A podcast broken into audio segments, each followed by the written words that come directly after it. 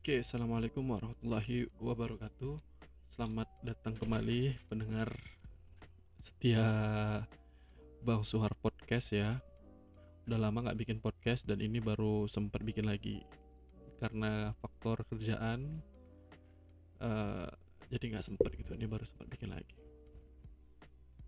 Nah kali ini bahasanya itu terkait dengan new normal new normal yang baru saja akan di apa ya diumumkan pemerintah sepertinya. Sebenarnya sudah diumumkan pemerintah jadi kita akan men, bukan mendapati sih lebih seperti kita akan melaksanakan sebuah tatanan baru dalam bekerja dalam menjalani kehidupan ya. Ya tentu itu adalah sebuah tantangan baru untuk kita terutama yang terbiasa aktivitas di luar ruangan eh, bekerja ya di tempat keramaian tentu hal ini eh, sedikit mengganggu kita gitu. Karena sudah tiga bulan dua tiga bulan kita meng- menjalani yang namanya WFH PSBB gitu ya. PHK di mana-mana terus omset eh, yang bisnis jualan juga sepi gitu. Sehingga mengalami penurunan untuk omset usahanya. Dan oke saya lihat contohnya dulu. Pertama PHK terus omset turun ya. Eh, PHK di mana-mana karena perusahaannya harus bertahan di tengah kondisi seperti ini. Lalu mem-PHK karyawannya gitu dan terutama juga mempengaruhi UMKM ya kayak misalnya kamu yang berjualan makanan tentunya eh, itu membuat penurunan omset ya sehingga dan juga ekonomi melemah dan ekonomi melemah itu lesu gitu. Jadi tentu kalian merasakan juga gitu ya. Dan tentu ini menjadi pembelajaran bagi kita semua bahwasanya tidak ada bisnis yang sustain tidak ada eh, kerjaan yang aman gitu. Tidak ada sumber penghasilan yang benar-benar eh, sustain gitu yang gitu aja. Mungkin kalau usahamu ada usaha teman-teman semua itu adalah internet jasa internet service provider mungkin mengalami penaikan ya karena kan orang banyak kerja di rumah. Jadi eh, penggunaan internet juga lebih tinggi gitu. Nah tentunya ini mempengaruhi banyak eh, sektor terutama ya bagi kita lah anak muda gitu ya. Kita harus terbiasa dengan yang masih sekolah harus terbiasa belajar dari rumah gitu. Yang bekerja harus terbiasa kerja remote bawa kerjaannya ke kantor atau via email gitu ya. Yang kadang-kadang kerja dari rumah itu eh, yang awalnya work from home jadi work for hour gitu. Jadi setiap hari setiap jam bahkan 24 jam kita bisa kerja gitu. Karena kita nggak bisa hampir tidak bisa membedakan eh, pekerjaan waktu kerja sama waktu istirahat. Karena kita kerja di rumah. Nah itu sih sebenarnya yang yang eh, terjadi 2-3 bulan ini. Termasuk saya juga ngalami kayak gitu. Nah kali ini di podcast ini saya mau ngebahas itu ya. Jadi kita lah sharing-sharing lah ya. Eh, nanti boleh di kok ada kalau ada pertanyaan kritik untuk eh, podcast saya ini tentunya bisa via email atau eh, komentar eh, di kolom komentar atau melalui sosial media saya Facebook atau Instagram. Ya. Nah, tentunya eh, ini adalah hal untuk sharing-sharing ya. New normal artinya kita berada pada keadaan normal yang baru mulai sadar eh, kalau misalnya pertama sadar akan tidak ada sumber penghasilan yang benar-benar sustain uh, terutama untuk passive income. Eh sorry terutama untuk active income gitu ya. Uh, bahkan kalau yang passive income-nya di saham gitu juga mengalami penurunan. Uh, tidak ada pekerjaan sustain tidak ada bisnis yang benar-benar bertahan karena kita tahu dalam kondisi seperti ini banyak perusahaan atau usaha-usaha teman-teman yang mengalami penurunan gitu. Misalnya uh, faktor karena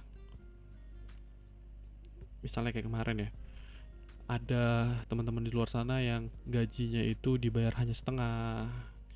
Ada yang uh, teman-teman kita di luar sana yang THR-nya nggak keluar gitu padahal itu adalah sebuah momen di mana uh, ter terutama ya UMKM itu uh, berharap dari misalnya kayak lebaran kemarin gitu. Tapi karena terdapat penurunan uh, penghasilan jadi para karyawan gajinya hanya dibayar setengah banyak di PHK penghasilannya kurang sehingga berpengaruh kepada UMKM artinya daya beli uh, teman-teman karyawan teman-teman yang bekerja itu daya belinya untuk belanja juga lebih menurun gitu.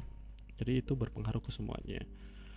Nah itu mungkin adalah pembelajaran yang pertama gitu. Jadi kita sadar kalau nggak ada sesuatu yang sustain benar-benar sustainable gitu ya.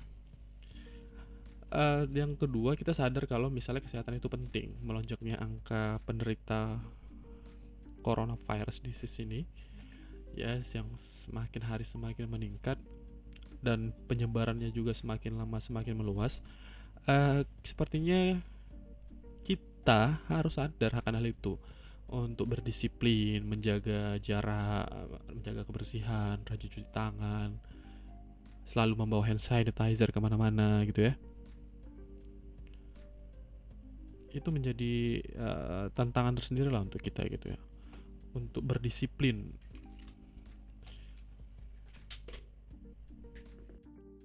Ya, sorry gangguan teknis tadi ya. Mic-nya bermasalah dan Ya tentu itu akan menjadi sebuah tantangan sendiri untuk kita ya teman-teman semua ya. Oke. Kita harus mengikuti protokol kesehatan walaupun kita berada di luar.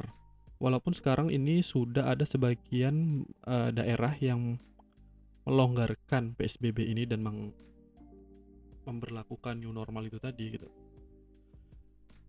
Dan kita sebagai anak muda dan teman-teman semua yang mendengarkan podcast saya ini uh, tentunya kita harus menjaga diri, harus berdisiplin diri um, untuk mengikuti protokol-protokol uh, kesehatan yang telah ditetapkan pemerintah gitu. Jadi uh, pertama kita sudah bahas gimana caranya, gimana kesadaran kita tentang penghasilan pekerjaan bahwa tidak ada yang sustain gitu ya. Dan yang kedua itu adalah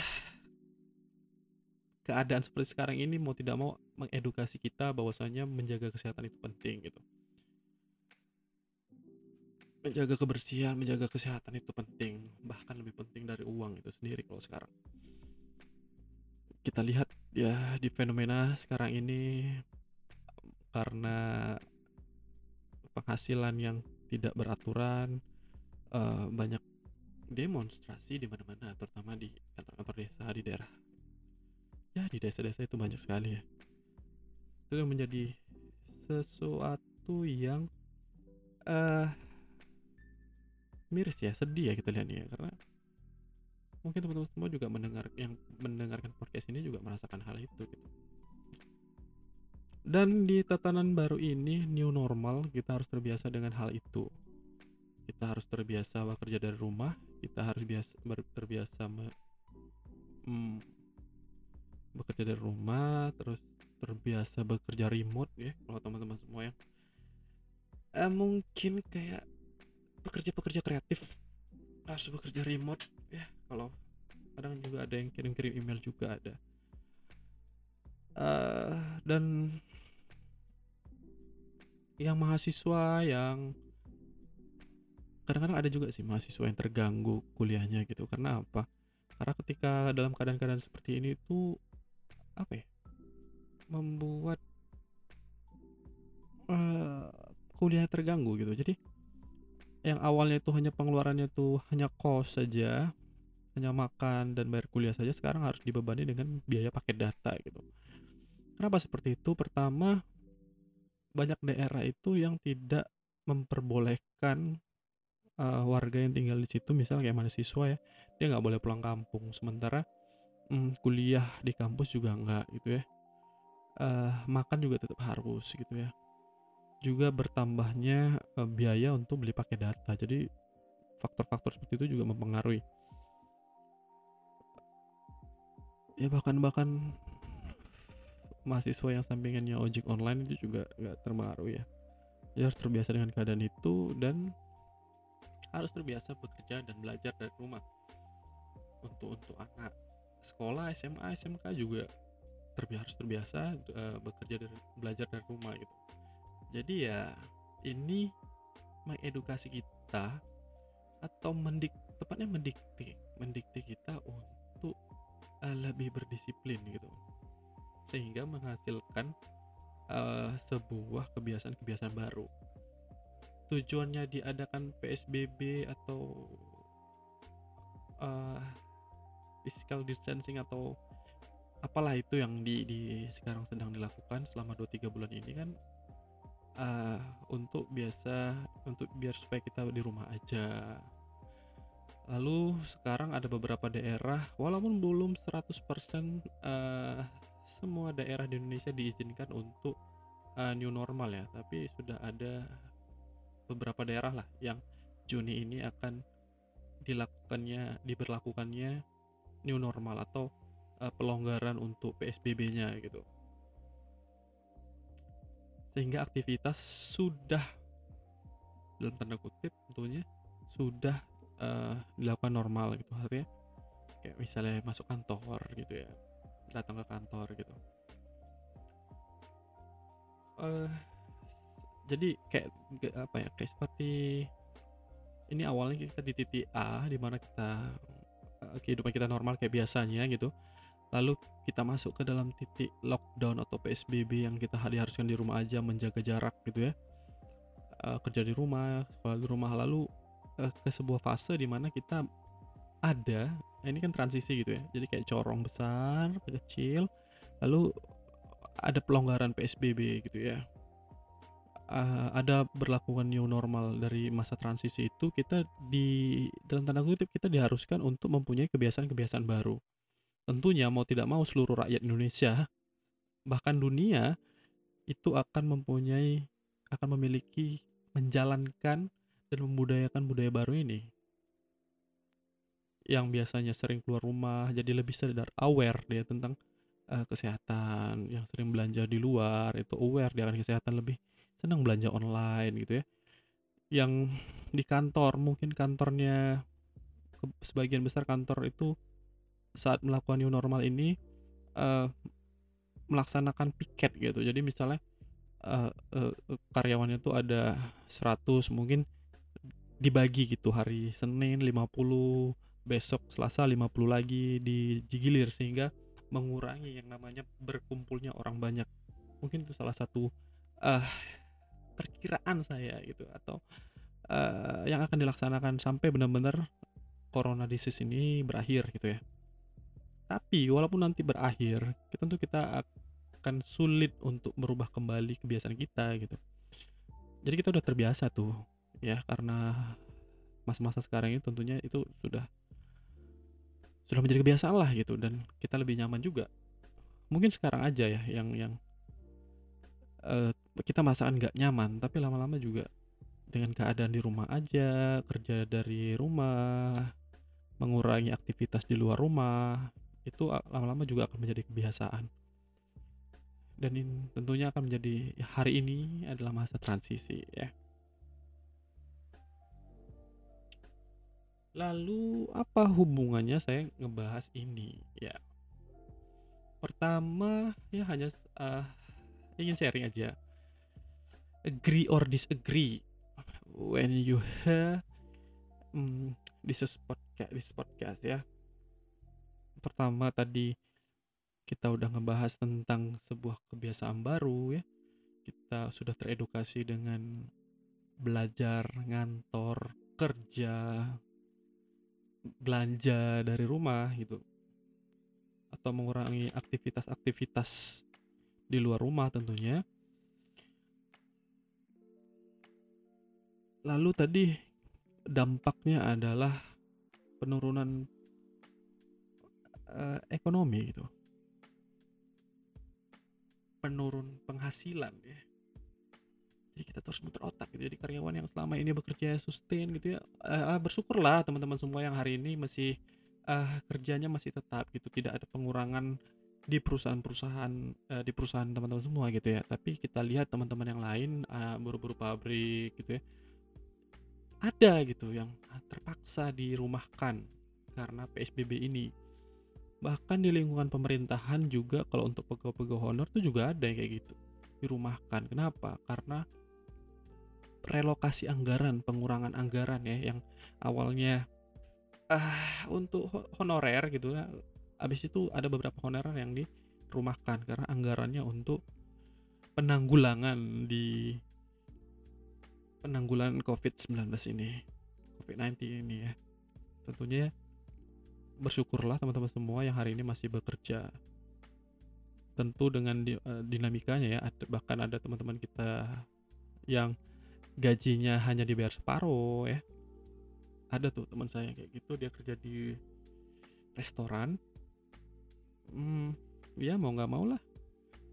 Karena kan di masa-masa kayak gini juga perusahaan itu uh, perusahaan-perusahaan itu bakal ngurangin karyawannya gitu.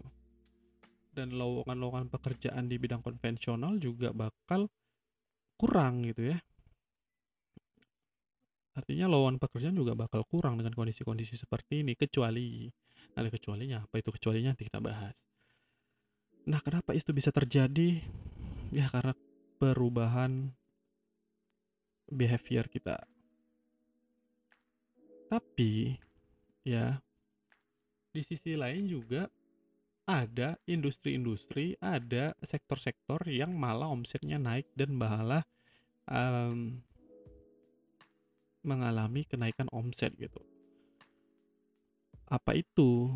Nah, atau bahkan uh, bisnis konvensional yang seperti kayak uh, jualan pakaian gitu ya habis itu jualan makanan tapi omsetnya tetap tetap bertahan atau bahkan mengalami kenaikan pada masa uh, seperti ini gitu. Kenapa? Nah ini yang membuat mau tidak mau harus teredukasi dengan keadaan. Oke nah lalu tadi kebiasaan-kebiasaan yang telah terjadi selama 2-3 bulan ini apa trennya gitu ya apa yang menjadi kebiasaan dan apa yang akan menjadi trennya gitu. Tentu ini uh, nanti kalau salah boleh dikoreksi. Ya ingatkan remind me kalau saya salah gitu. Nah pertama orang akan terbiasa untuk bekerja work from home.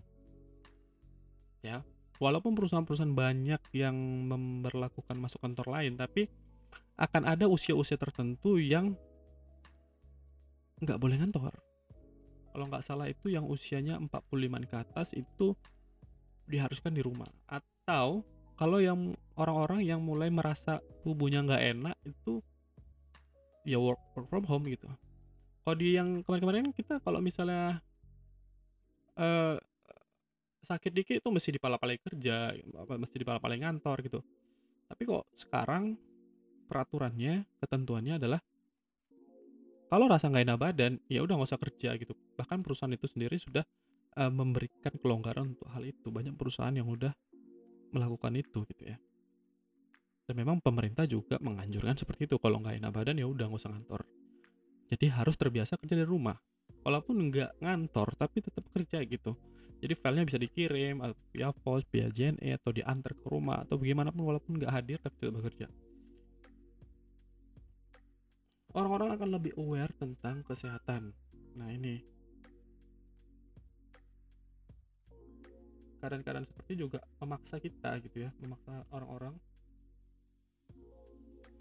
untuk aware, mau nggak mau aware, mau nggak mau peduli. Yang biasanya nggak peduli sekarang harus peduli gitu. Kalau biasanya batuk dikit, demam dikit, tetap dipala-palain beraktivitas seperti biasa, sekarang aktif uh, merasa nggak enak badan dikit harus minum obat. Tiga hari nggak sembuh harus ke puskesmas gitu. Walaupun ada yang cengkal walaupun ada yang bandel gitu ya. Tapi kan orang sekitarnya akan mengingatkan kembali gitu. Ya kita jalan lihat kayak misalnya kita punya anggota keluarga yang sakit gitu ya. Tentu kalau dia bandel nggak mau disuruh ke dokter kita akan paksa ke dokter gitu ya. Jadi mau nggak mau harus aware harus peduli dengan dirinya dan itu akan menjadi kebiasaan ke depannya gitu.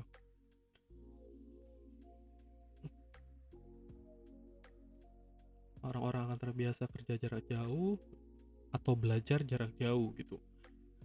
Nah, ini juga menjadi sebuah tantangan challenging bagi guru dan murid, dosen dan mahasiswa. Tadi kita udah ngebahas tentang pekerja gitu ya, tentang karyawan gitu yang harus uh, mau nggak mau yang selama ini gaptek mau nggak mau ya harus belajar online gitu.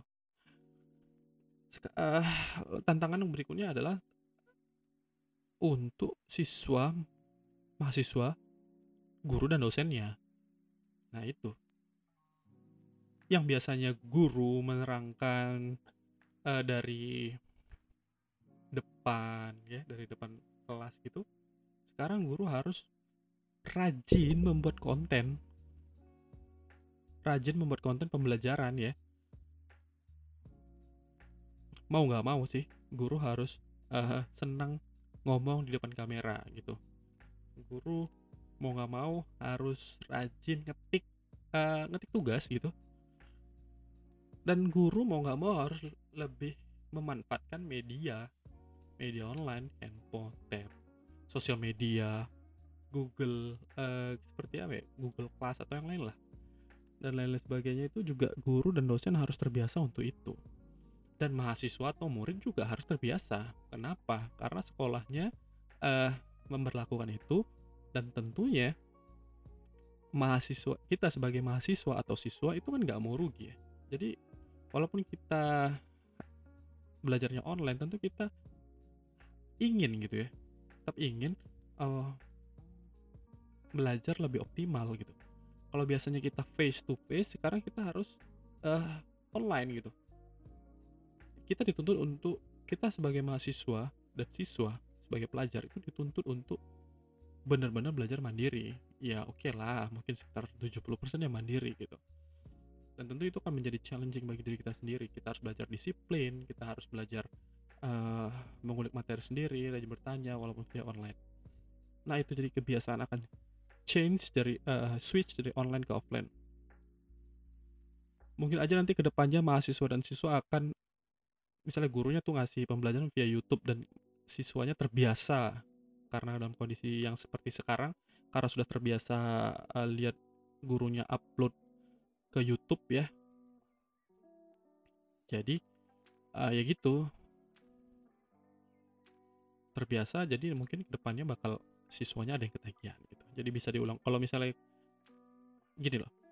Misalnya uh, kayak hari-hari biasa guru harus bolak-balik menjelaskan kalau siswanya nggak nggak nggak nangkep sama pelajarannya. Tapi ketika gurunya rajin bikin konten di YouTube kayak hari ini sekarang dia record habis itu dia kirim ke siswanya tentu siswanya akan bisa ulang-ulang videonya gitu. Sampai dia paham gitu. Nah ini juga menjadi uh, opportunity juga bagi guru untuk lebih kreatif dosen untuk lebih kreatif dan siswa serta mahasiswa untuk lebih kreatif dan uh, disiplin tentunya. Bahkan ada beberapa universitas saya lihat di internet itu yang bahkan wisudanya itu juga online itu jadi udah belajarnya uh, tugasnya habis itu skripsiannya bimbingannya pakai online dan ya yeah, wisudanya juga online. Mungkin ijazahnya PDF kali ya.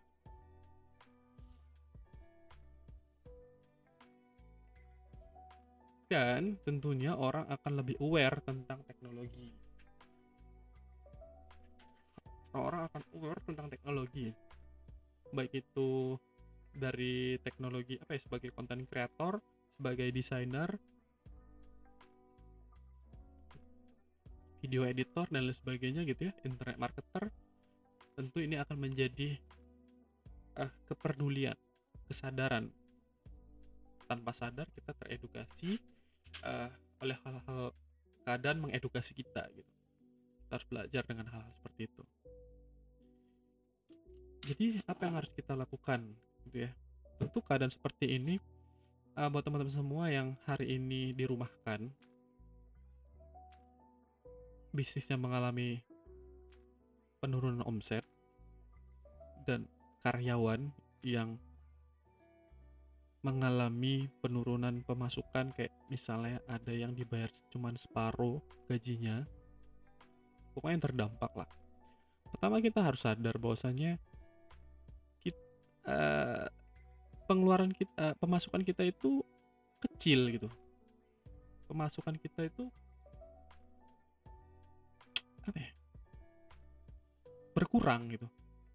Tapi pengeluaran kita segitu-gitu aja. Bahkan makin banyak. Kenapa makin banyak? Tentu karena paket internet. Listriknya nambah.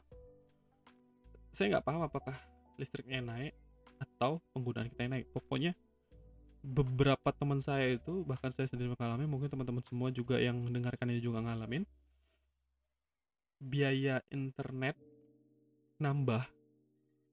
Karena kan kita di rumah aja. Untuk bekerja dan apa semua segala macam kita menggunakan internet. Habis itu biaya bayar listrik juga nambah gitu. Ya. Itu kenyataan yang harus kita alami gitu. Lalu uh, kalau punya yang sudah punya anak atau yang sedang sekarang sekolah gitu ya internetnya nambah gitu. Nah itu. Lalu bagaimana kita eh, sudah sudahlah ini sudahlah pemasukannya berkurang pengeluarannya bertambah gitu dari untuk hal-hal seperti itu. Nah lalu apakah keadaan seperti ini se menakutkan itu? Artinya apakah solusinya? Bagaimana cara kit-kit menghadapinya gitu ya? Apakah tidak ada kesempatan atau peluang-peluang yang bisa kita manfaatkan ya tentu jawabannya ada gitu. Tentu jawabannya ada. What should we do? Gitu. Apa yang harus kita lakukan untuk memanfaatkan keadaan-keadaan seperti sekarang?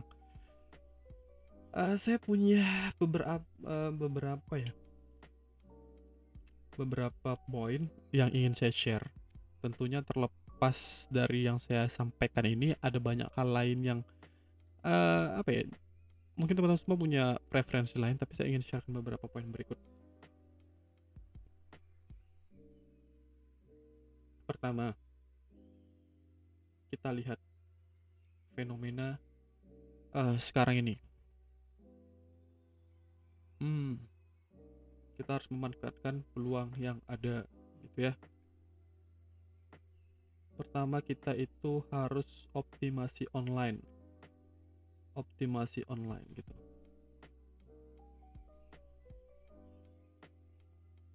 Optimasi online itu maksudnya apa? pertama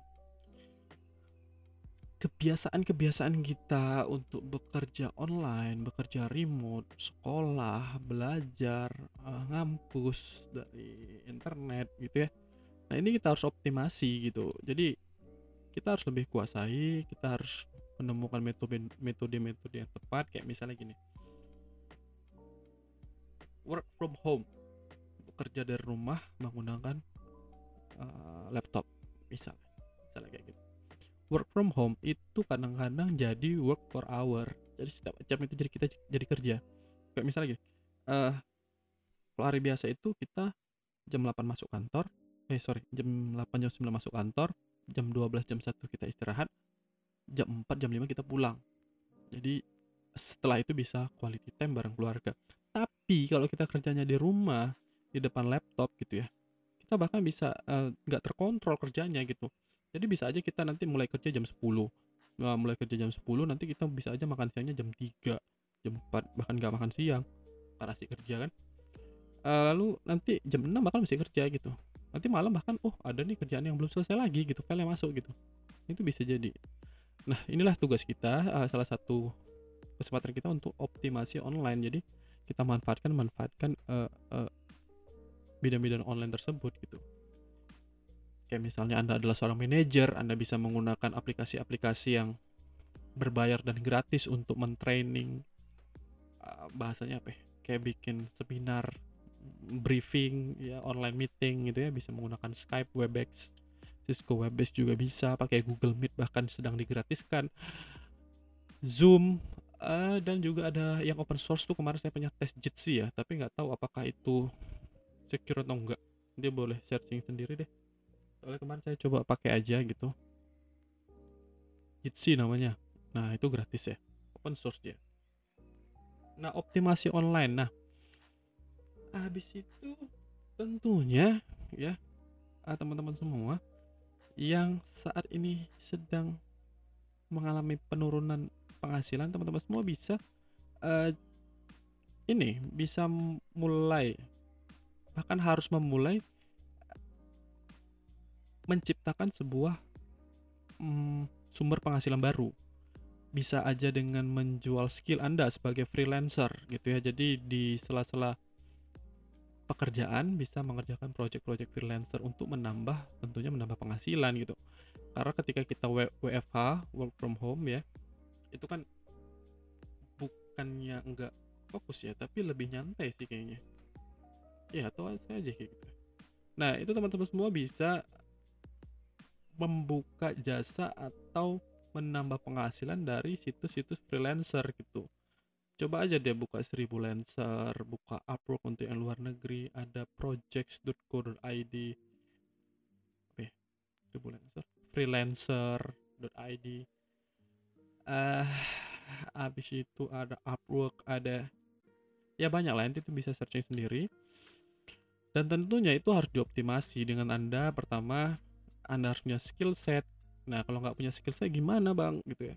Ya belajar gitu jadi yang selama ini nyaman berada di zona nyaman gitu sekarang tuh baru kesadar oh ternyata saya butuh nih penghasilan yang lain gitu.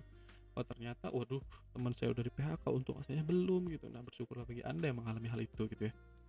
Jadi apa yang harus anda lakukan? Ya belajar gitu. Belajar uh, di situs-situs uh, belajar lah kayak Udemy kayak di Skill Academy di YouTube Nah, di YouTube ada yang gratis dan ada yang berbayar ya. Terserah itu terserah Anda gitu. Tapi yang jelas Anda bisa membuka jasa itu atau misalnya Anda uh, punya hobi fotografi, editing yang awalnya kerjanya manajemen tapi punya skill uh, skill editing gitu ya. Nah, itu bisa di dimanfaatkan gitu. Bisa dijual di aplikasi bukan dijual sih bahasanya. Bisa kita bekerja menambah penghasilan dari situs-situs freelance itu tersebut.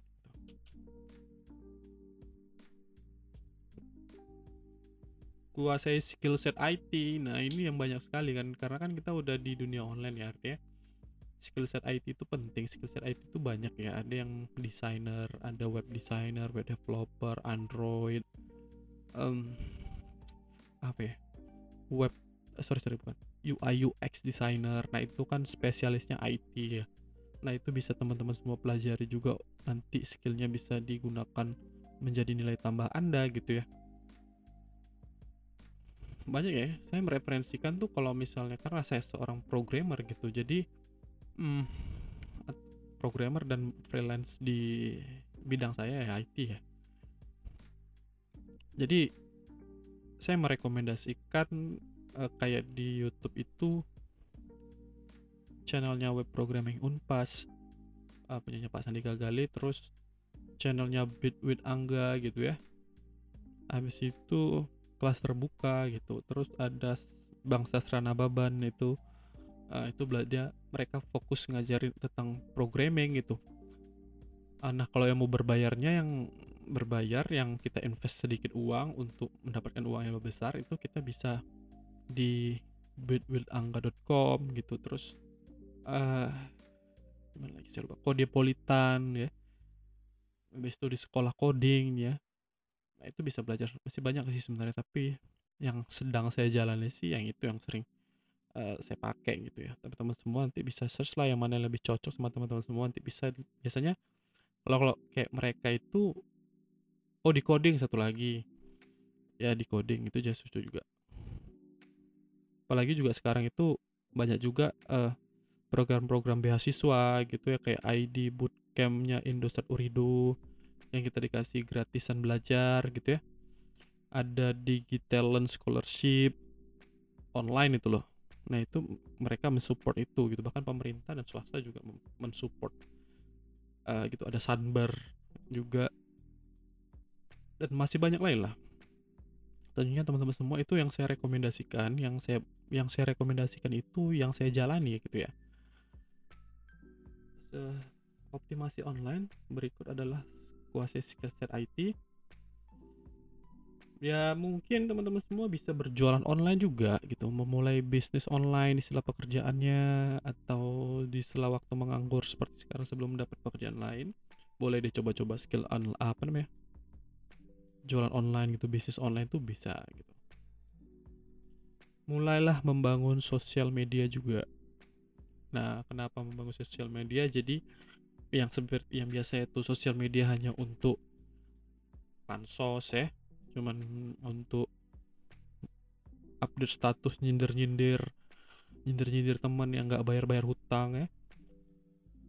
Atau kepoin Instagram mantan gitu ya yang ya nggak berguna-guna gitu lah ya untuk nyindir-nyindir itu uh, mulai di switch gitu mulai di optimalisasi uh, sosial medianya.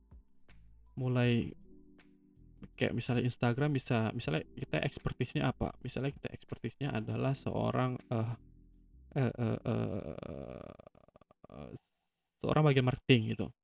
Nah teman-teman semua bisa bikin feed yang artikel-artikel yang dibikin karusel ya dibikin kayak karusel gitu. Jadi untuk share. Jadi orang di luar sana itu tahu kalau ekspertis Anda adalah seorang marketing gitu. Atau seorang HRD atau apalah atau web programmer gitu ya. Nah itu bisa di sana gitu. Dioptimalisasi bagi yang punya bisnis uh, itu bisa di tentu saja itu sangat bisa sekali ya. Nah.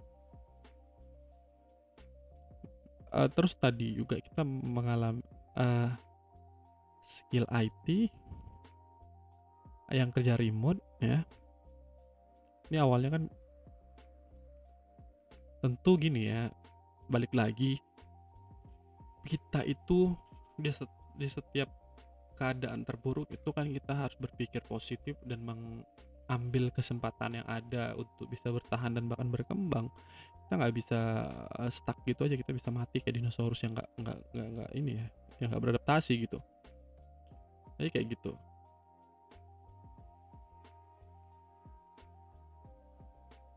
Nah, tentunya itu men menjadi suatu nilai yang bagus gitu ya.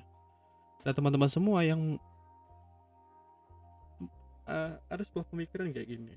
Untuk teman-teman yang sedang bisnis uh, kenapa saya bilang harus switch ke online gitu? Misalnya kita bisnisnya konvensional kita misalnya jual makanan kita misalnya jual baju ya misalnya kayak ya gimana jual baju pakaian? gitu. Misalnya kayak contoh bisnis pakaian. Atau bis ya bisnis fashion lah ya. Nah orang kan rata-rata uh, sekarang ini mengalami penurunan omsetnya di bisnis fashion itu yang ada di sekitar saya ya. Nah uh, kenapa gitu? Tentunya pertama penghasilan orang berkurang sehingga daya beli menurun yang kedua fashion itu kan uh, mohon maaf ya identik kayak gini kita membeli fashion itu untuk apa? Kita membeli baju itu untuk apa? Pertama untuk kebutuhan premier dan yang paling besar adalah untuk kebutuhan dalam tanda kutip pamer gitu. Kita beli pakaian bagus, beli sepatu bagus untuk apa gitu? Biasanya untuk menunjukkan identitas diri. Kasarnya sih pamer ya. Nah dalam keadaan-keadaan kayak gini ya, di mana kita bagian wilayah ada yang masih lockdown, ada zona merah, ada yang nggak boleh ke mana-mana gitu ya. Kalau usaha anda sedang berada di, anda adalah pebisnis UMKM yang berjualan yang sekarang itu di zona merah gitu ya ah, tentu kan akan mengalami penurunan omset gitu nah gimana supaya tetap bertahan dan berkurang uh, tetap bertahan gitu atau berkembang nah begini sih saya baru dapat uh, pemikirannya kayak gini. Itu akan menjadi kesempatan. Men uh, akan bisa menjadi kesempatan misalnya gini. Kan di Indonesia ini oh ya apalagi ini ya uh, new normal ini nggak semuanya ya nggak semua daerah gitu menerapkan new normal. Ada daerah-daerah yang zona merah itu pemerintah belum memperboleh pemerintah pusat belum memperbolehkan untuk uh, new normal untuk pelonggaran PSBB-nya gitu jadi artinya masih ada yang zona merah bahkan zona hitam masih ada yang zona kuning dan masih ada zona hijau gitu tentunya ya zonasi teman-teman boleh search lah di di, di kalau nggak salah sih di covid19.org itu atau di website-website pemerintahan ada gitu ya kayak pemprov sumut.go.id itu ada biasanya. Untuk zonasi mana? Zona zona mana yang yang dia uh, zona merah zona biru itu daerah mana aja mana aja gitu. Nah apa hubungannya sama tadi pengembangan bisnis uh, fashion gitu? Jadi orang bias balik lagi biasanya orang menggunakan fashion yang bagus untuk dalam tanda kutip pamer. Nah kalau anda saat uh, mengalami omset penurunan karena wilayah anda saat ini zona merah atau zona kuning atau zona hitam gitu ya anda bisa memanfaatkan online untuk mentargetkan orang-orang yang tinggalnya di zona hijau atau orang-orang yang tinggalnya di wilayah-wilayah yang sudah diperbolehkan new normal. Karena kan wilayah Anda belum nih, masih zona merah kan. Jadi teman-teman semua melalui online itu bisa. Ya. Melalui online itu bisa Anda targetkan, oh misalnya uh, teman-teman semua berada di Medan zona merah gitu ya. Uh, masih zona merah di zona uh, Medan itu ada beberapa kecamatan yang masih zona merah. Nah, kan traffic toko Anda tuh sepi gitu ya. Daya beli juga berkurang. Anda bisa mentargetkan orang-orang yang misalnya di Aceh yang atau di luar Medan yang dia zonanya itu masih zona hijau gitu. Sehingga uh, masih bisa lah orang beli sana melalui online itu tadi optimasi. Dan itu tentunya teman-teman semua harus menginvestasikan waktu untuk belajar. Ya, belajar untuk siapa? Belajar untuk bisnis Anda gitu ya. Biar supaya tetap sustain, biar supaya tetap berkembang walaupun keadaannya seperti sekarang. Itu contoh kasus. Yang berikutnya, misalnya Bang, uh, gimana kalau misalnya aku uh, sekarang dirumahkan? Bang, aku seorang siswa, seorang mahasiswa. Kayak pengeluaran nih tambah gede nih bang. Kasihan orang tua. Hmm, mau bikin usaha mau bikin bisnis tapi nggak tahu nih cara gimana gitu. Mulai dari mana seperti apa gitu. Atau uh, dan teman-teman juga yang saat ini sedang bekerja gitu ya. Bang gimana caranya kalau misalnya uh, bisnis online atau jualan online gitu caranya nggak tahu harus dari mana dan seperti apa pasar seperti apa yang harus ditargetkan. Nah ini buat teman-teman seperti itu uh, pertama nih saya mau share ya. Ada bisnis-bisnis yang memang sektornya itu tidak akan pernah mati dan akan akan selalu menjadi uh, tren gitu pertama adalah bisnis pendidikan. Nah, bisnis pendidikan itu akan selalu menjadi tren, akan selalu dicari orang gitu.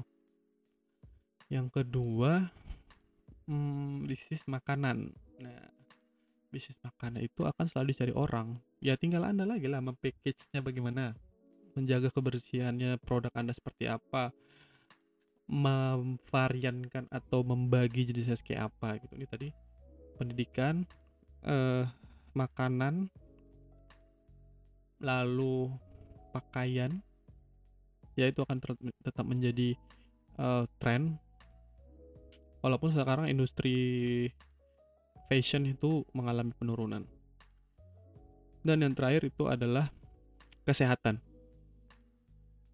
Ya, kesehatan. Apalagi dengan keadaan-keadaan seperti itu. Kesehatan itu termasuk ini ya, jual-jual insurance terus hmm, herbal yang berkaitan dengan apalagi kayak sekarang itu orang lebih teredukasi dengan kesehatan orang lebih teredukasi dengan hmm, produk-produk hmm, herbal gitu ya itu juga menjadi salah satu uh, peluang gitu. Nah itu kan share-share gitu aja. Uh, di luar itu ya banyak ya. Tapi kalau misalnya mau buka usaha dalam mau buka bisnis sekarang apalagi misalnya teman-teman bang gimana kalau modalnya cuma di bawah sejuta bang? Bang kalau gimana kalau modalnya cuma di bawah lima ratus ribu bang? Gitu. Itu gimana gitu ya? Nah pertama mindsetnya harus diganti dulu gitu. Mindset harus diganti bahwasanya uh, usaha online tidak dengan tidak sama dengan online gitu. Ada persamaan tapi ada banyak perbedaannya gitu ya. Kalau mindset yang nggak dirubah ya sulit gitu.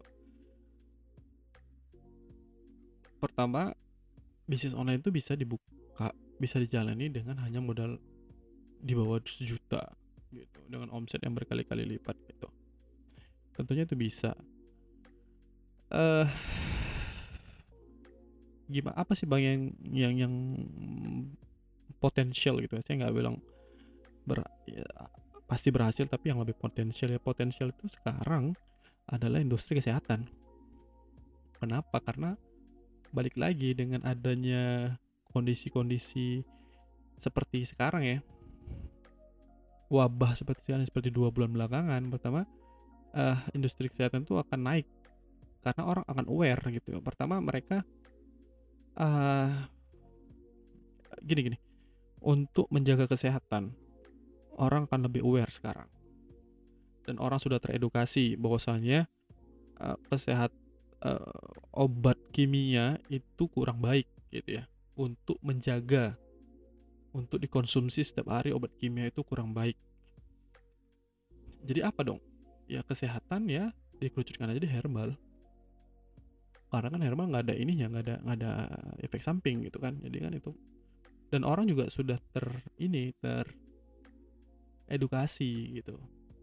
Jadi orang sudah teredukasi kesehatan, mereka sudah teredukasi juga dengan bahwasannya obat kimia itu kurang baik untuk dikonsumsi uh, secara jangka panjang ya, maka orang kan lebih memilih produk-produk herbal sekarang. Dan hmm, itu tadi lalu tentunya teman-teman semua gimana sih bang bisnis online itu? Nah bisnis online itu pertama kita harus cari kita cari dulu potensialnya.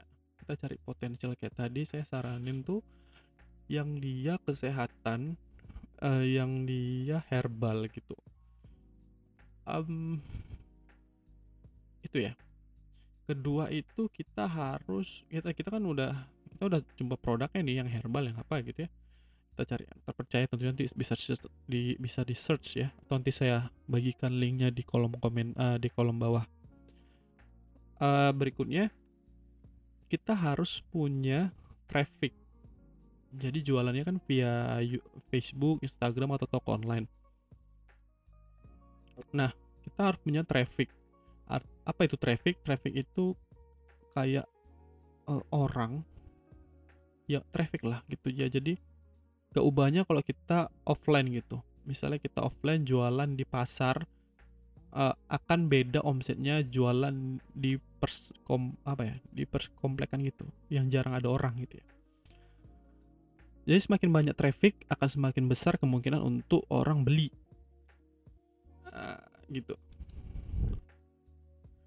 nah berbeda dengan uh, mirip-mirip dengan offline ya di online juga kayak gitu orang akan berkunjung ke account kita, akan berkunjung ke toko kita, akan berkunjung ke sosial media kita untuk lihat-lihat dulu.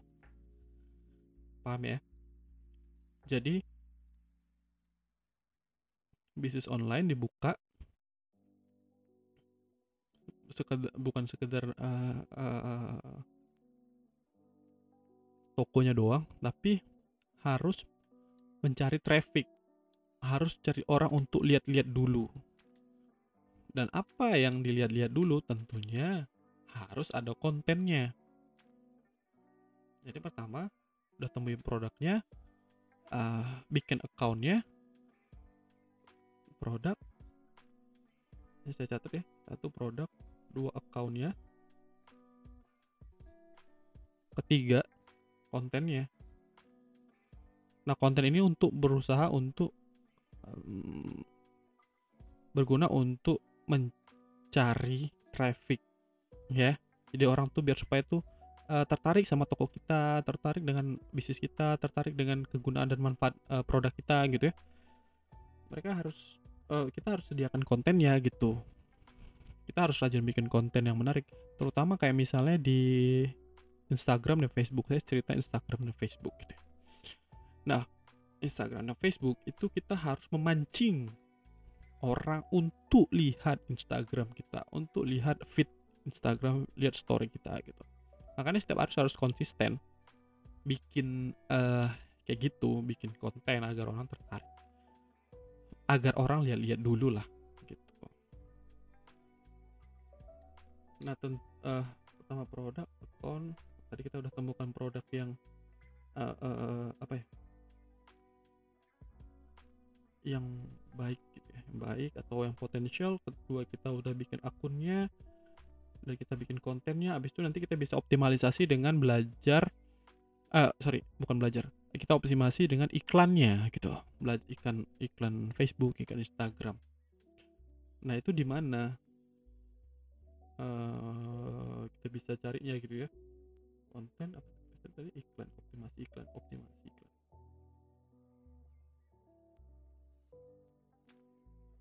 Nah itu teman-teman semua harus punya. Pertama bang capek dong bang. Ya iyalah capek. Namanya mau bangun ya. Bangun yang nggak capek gitu. Sampai kita juga mau membangun sebuah keran baru penghasilan baru ya. Nah, itu dan terus trial and error. Dan tentunya kayak gini ya. Uh, kebayang nggak kalau misalnya teman-teman semua punya uh, pingin buka usaha yang potensial tadi kayak kesehatan? Saya menarikkan kesehatan karena ya kondisinya sekarang orang sudah aware tentang kesehatan. Habis itu pertama sudah terus modalnya nggak banyak. Modalnya itu ya 500 ribu. Dimulai dari 500 ribu. Dimulai dari 500 ribu abis itu kita diajarin gimana digital marketing ya jadi di 500 ribu itu udah dapet produk udah dapet pembelajaran uh, diajarin lagi terus untuk kontennya kita diajari bikin dan bahkan kita disediakan kontennya setiap hari sehari empat kali tentunya teman-teman semua belajarnya nggak sama saya ya.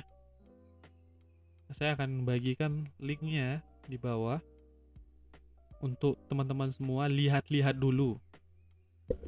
Mana tahu teman-teman semua bisa menjalankannya dan bisa search dulu banding-bandingkan.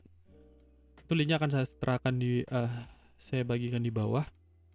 Semoga bermanfaat nanti teman-teman semua. Karena saya juga sedang menjalankan itu gitu ya. Saya juga sedang pakai gitu. Tentunya teman-teman semua akan belajar sama expert. Ya yang lebih expert gitu ya. Saya nggak akan saya bukan saya yang ngajarin lah. Karena saya juga hmm, untuk ngajarin itu kok ngajarin orang itu kurang gitu. Jadi saya hanya share informasi aja. Uh, nanti saya akan share linknya di bawah baik lagi bayang nggak kalau kamu punya bis, uh, bisnis uh, bisnis yang potensial terus modalnya cuma 500 ribuan mulai 500 ribuan habis itu kamu disupport dengan konten habis itu kamu disupport dengan uh, sistem-sistem pembelajaran gitu ya bahkan ada webinar gratisnya gitu. Pokoknya keren lah. Dan yang sudah buka bisnis juga tentunya bisa belajar di sana gitu walaupun bisnisnya itu nggak udah ada gitu ya. Misalnya teman-teman semua mau selama ini bisnisnya makanan selama ini bisnisnya um, fashion gitu tapi mau optimalisasi onlinenya gitu. Cukup belajar sekali eh, cukup bayar sekali aja udah dapat semua edukasinya gitu. Dan bahkan bisa diterapkan ke bisnis-bisnis yang lain. Kalau punya produk ya terapkan aja produknya ilmunya gitu.